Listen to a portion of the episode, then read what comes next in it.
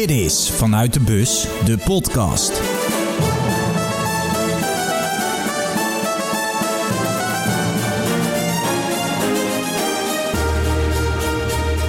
Goed dat je luistert naar alweer de tiende aflevering van Vanuit de Bus. Wat gaat de tijd snel?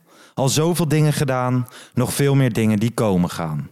Deze dag bestaat weer uit twee verschillende elementjes. We beginnen in Brabant, bij de voormalig kroonprins van het trainersgilde. Vanuit Roosendaal een kleine rit terug naar Breda. Waar ik eerder met Ralf Seuntjes sprak, doe ik dat nu met Robert Maaskant. We spraken over de media, kleurloze trainers, oranje en uiteraard NAC. Goed om te zeggen is dat dit gesprek plaatsvond voordat Maurice Stijn de deur achter zich dichttrok in het Radverlegstadion.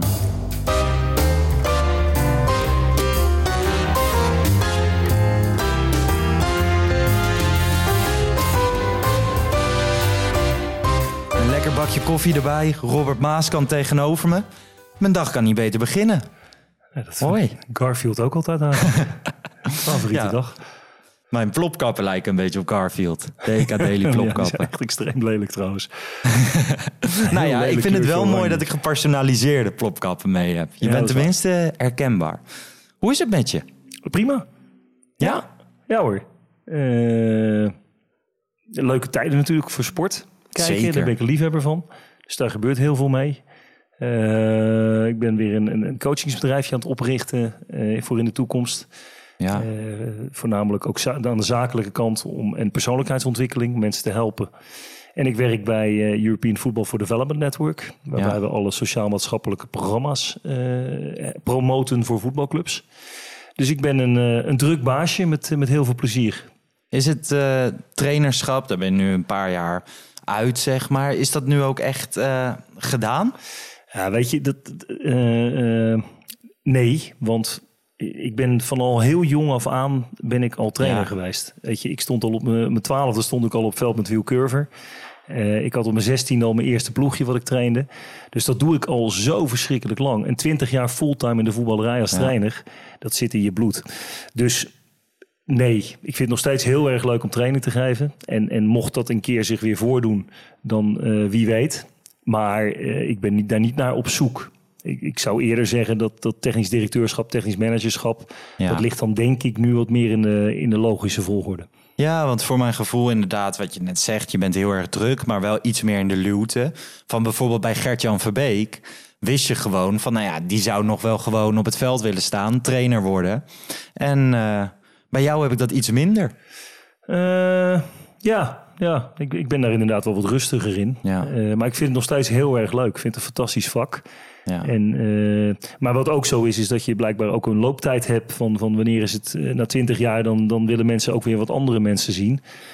Wat ik wel jammer vind, hè, want ik, ik, ik vind het huidige trainerslandschap vind ik wel erg kleurloos.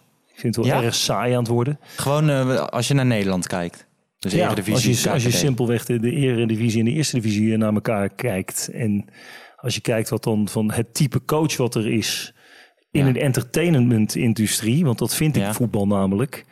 Ja, dan vind ik het erg veel van hetzelfde. Maar vooral ook heel veel inwisselbaar. En dat heeft natuurlijk ook wel te maken dat ik opgegroeid ben in een tijd... eh, als trainer. Ik ben, ben groot geworden als trainer in een tijd met eh, Guus Hiddink, Bert van Marwijk, Huub Stevens, Henk ten Katen. Eh, ja, namen die, die, die allemaal grote internationale carrières hebben gehad daarna. Ja. Eh, dat zal ook niet voor niks geweest zijn. Eh, Louis van Gaal niet te vergeten. Dus Dick Advocaat, weet je, dat zijn allemaal namen die iedereen zich nog heugt. Ik denk dat van de huidige generatie coaches... dat er toch erg veel weer, weer snel vergeten zullen zijn. Ja, ik zit een beetje nu in mijn hoofd door Ja, de. Eredivisie te gaan en de dus. KKD. Van oké, wie, wie hebben we allemaal? Wie, wie is nou wel kleurrijk? Wat is nou wel een, een trainer? Nou, Ten Hag is natuurlijk wel kleurrijk. In, in zijn, eh, gek genoeg, eh, misschien wel in zijn saaiheid juist. Maar eh, die, die staat in ieder geval voor een bepaald type voetbal. Peter Bos vind Ja. ik dat ook. Hebben. Die, die speelt niet meer in de Eredivisie natuurlijk. Ehm, maar voor de, ja, verder vind ik, wat ik al zeg, heel, heel weinig eigen identiteit. Mensen die zich nog, nog uit durven spreken over zaken. Het is erg vlak geworden allemaal. En, en Nou, dat, dat vind ik wel eens jammer, want ik Ja. denk dat het de voetballerij ten goede komt op het moment dat je gewoon eh, persoonlijkheden hebt als coach. En als je nu kijkt naar de nieuwe ontwikkeling, je krijgt nu ook een nieuw soort coaches die meer met de data zijn, eh, geen verleden hebben in het eh, profvoetbal. George Schulte, een goed voorbeeld daarvan.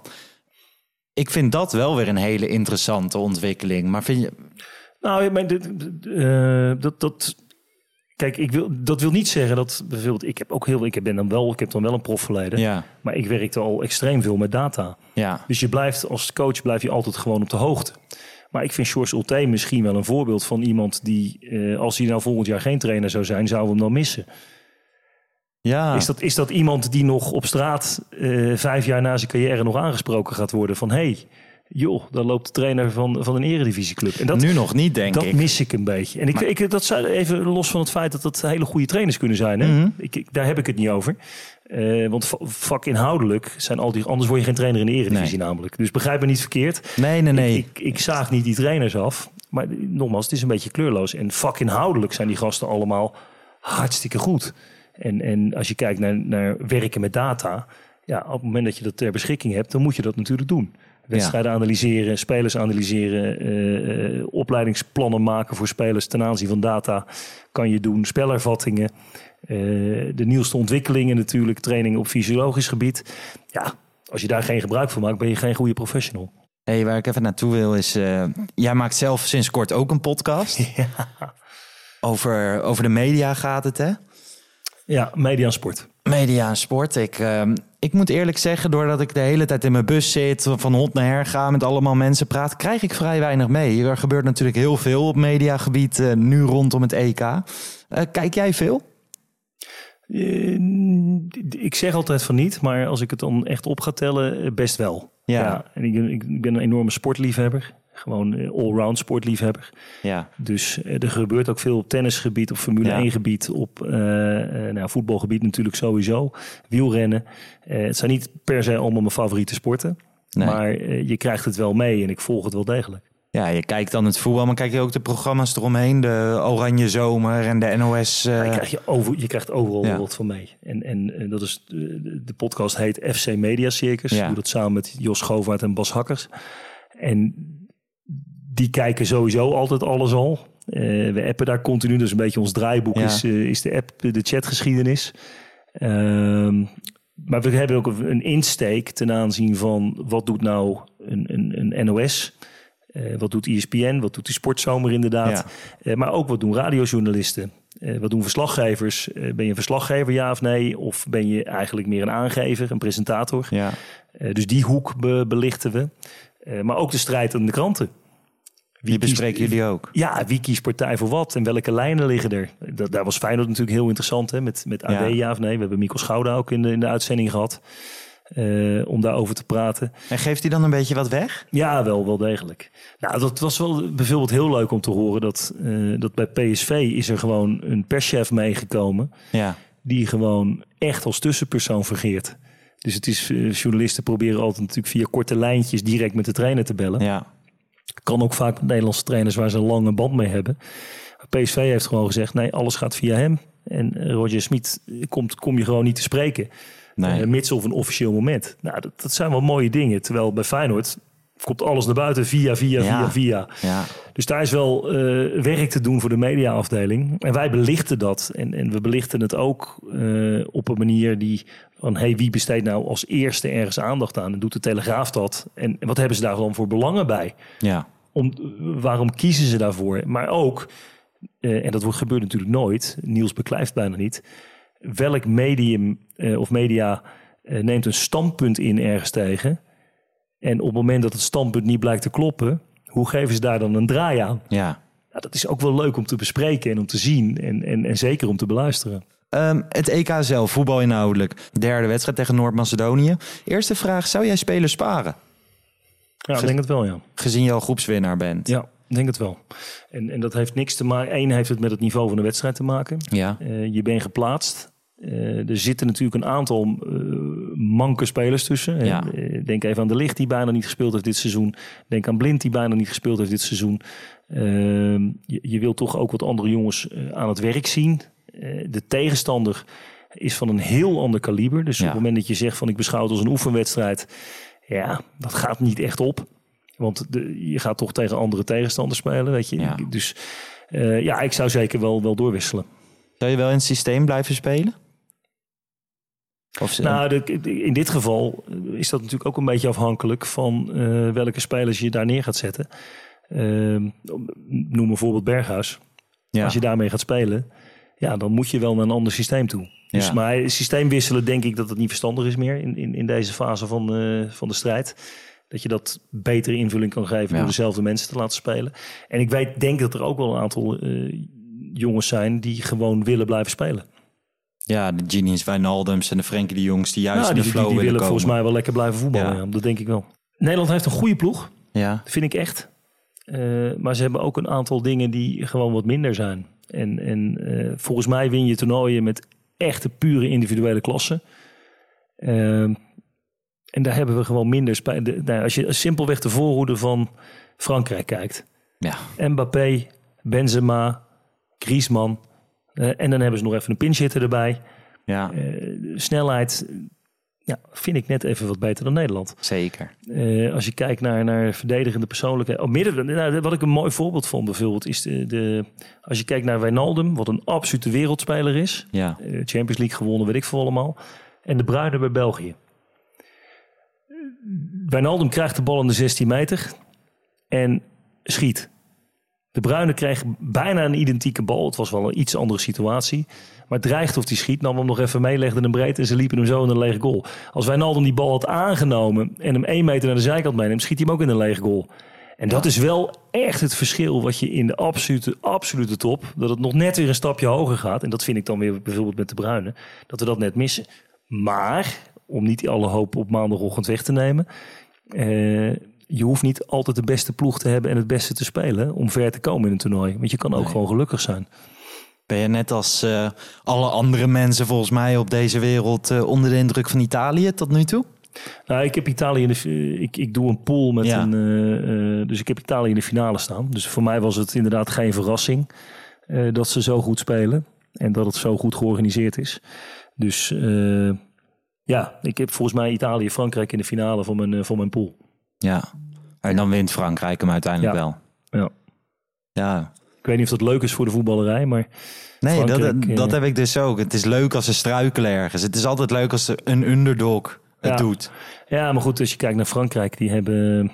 eh Deschamps heeft natuurlijk gekozen om, om gewoon heel degelijk Ja, door die toernooien heen te komen. Ja. Nou, dat vind ik ze goed recht. Daarnaast hebben ze drie fantastische aanvallers. Met dan nog een keer een geweldige verbinding spelen met Pogba. Ze hebben een geweldige controleur lopen.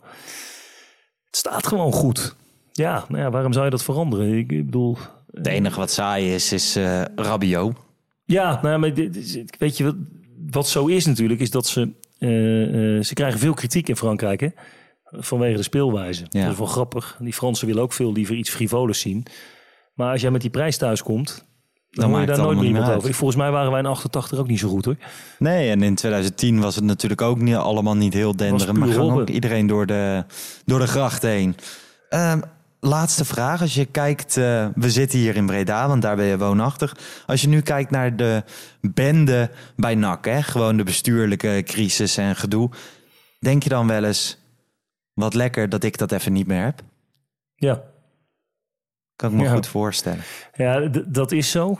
En, en aan de andere kant doet het me ook wel weer pijn eh, dat, het niet, eh, dat het gewoon niet lukt bij NAC. En, en dan kriebelt het ook wel weer om... Ja, dan hoop je ook wel weer dat ze bellen. Ja, Van, van laat er nou eens iemand komen die die voetbalwereld goed kent, die de verhoudingen in, in het Bredaanse goed kent, die de cultuur goed kent. En eh, los het op, geef leiding. En, en dat mis ik zo bij NAC. Het is echt. Ja, ik, ik snap ook niet dat je iemand aan kan stellen en dan tien weken later ontploft de bol. Tien Nee. weken later. Ja, dan heb je je huiswerk niet goed gedaan van tevoren. Nee, want ik kan me toch goed voorstellen dat je als je een technisch directeur aanneemt terwijl je al een zittende trainer hebt, dat die elkaar van tevoren ook wel spreken, toch? Ja, nou ja, en, en in ieder geval één iemand de baas maken daarin. Ja, Het kan natuurlijk niet zo zijn als je een technisch directeur hebt, dat die een bepaald idee heeft over hoe de club moet functioneren. Dat de trainer dat dan traineert. Dat werkt Nee. dus niet. Maar dat had je van, inderdaad ver van tevoren aan kunnen zien komen in, in gesprekken. En die gesprekken hadden gewoon gevoerd moeten worden. Ja. Dus ja, ik, dat, dat vind ik een inschattingsfout van de directie van NAC. ja, ik ben benieuwd hoe zich dat allemaal gaat ontwikkelen. Misschien wellen ze jou wel. Ja, wie weet. Maar niemand, maar niemand weet het ook, kan ik je vertellen. Bij. Dat geloof ik graag. Robert, bedankt voor je gastvrijheid. En eh, ga naar de podcast van jou luisteren. ja, natuurlijk. FC Media Circus. Ik ga hem in elk geval zo meteen in de auto nog eens luisteren. Ik heb de eerste twee afleveringen geluisterd. Dat vond ik leuk. Daarna, ja, ik luister zoveel allemaal door elkaar heen. Ik Ja. wil nieuwe dingen ontdekken. Dus eh, Nee, maar lekker ik doen. luister Het is- weinig podcasts Het is een uurtje meestal, dus eh, je kan, eh, het is prettig om te luisteren. Het is informatief vaak ook nog. We hebben altijd Ja. een goede gast vanuit de mediawereld erbij. En we geven cijfers ook nog aan mediapersoonlijkheden. Oh, dus dat cool. leuke onderwerpen. Ik ben benieuwd. Dank. Plezier.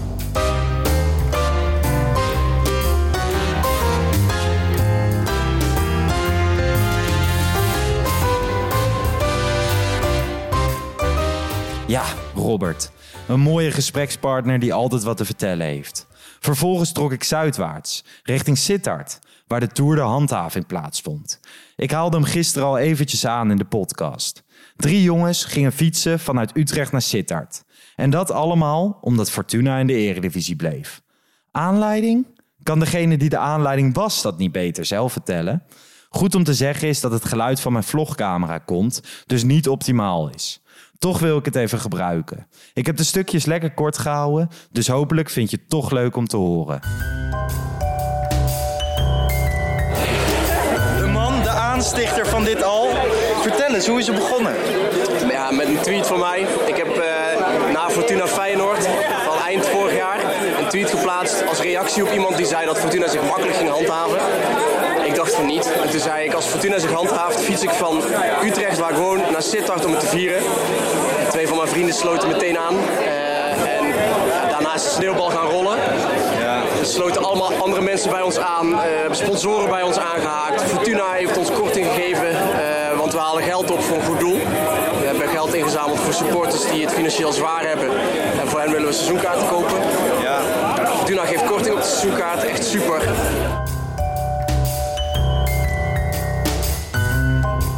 Eerder die ochtend had ik al even kort contact met de trainer, George Solté. Of hij even een filmpje kon maken voor de gasten. Meer dan 7500 euro is er inmiddels opgehaald voor al die supporters. Daar kan een bedankje er minstens vanaf, toch?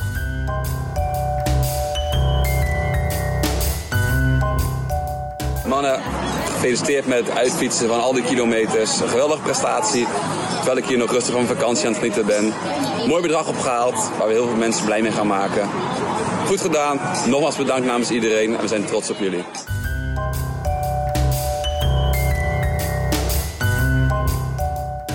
Goud dat George dit even wilde doen. Erg leuk. Tot slot fietsten er ook twee spelers mee. Keeper Yannick van Os vanaf Den Bosch... en Mika Turpin de volledige 177 kilometer vanuit Utrecht. Maar waarom eigenlijk?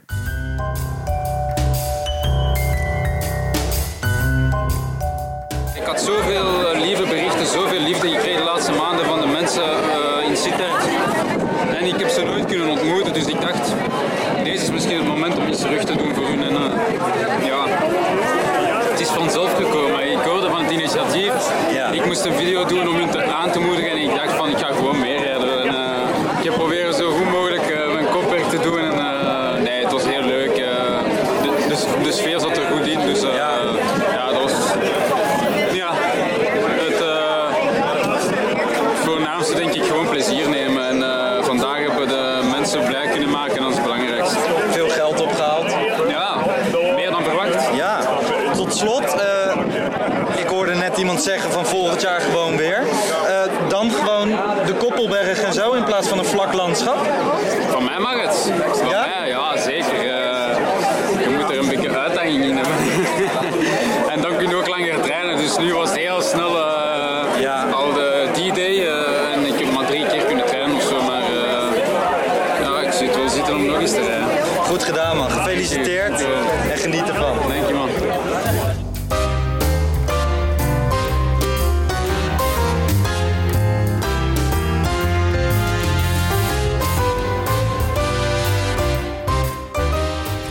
Je wordt als speler gehuurd, komt voetballen, hebt geen contact met supporters op de tribune en uiteindelijk wil je toch wat terugdoen. Dat vind ik clubliefde. Dat vind ik mooi. En dat soort verhalen, daar hou ik van. Dit hele project was super tof. Het zorgde voor reuring in Sittard. Een club die een aantal jaar geleden onderaan bungelde in de eerste divisie en het nu zo goed doet. Meer van dit alsjeblieft. En volgend seizoen gewoon weer een Tour de Handhaving. Mocht je nog willen doneren of een kijkje willen nemen op de site, de link staat in de beschrijving van deze podcast. Dit was hem dan. Dag 10 van mijn avontuur. Vanaf vandaag gaan de laatste wedstrijden in de pools beginnen en daarna kunnen we echt los. Bedankt weer voor het luisteren vandaag en stuur vooral een berichtje op sociale media. Tot morgen, bis morgen. Ciao.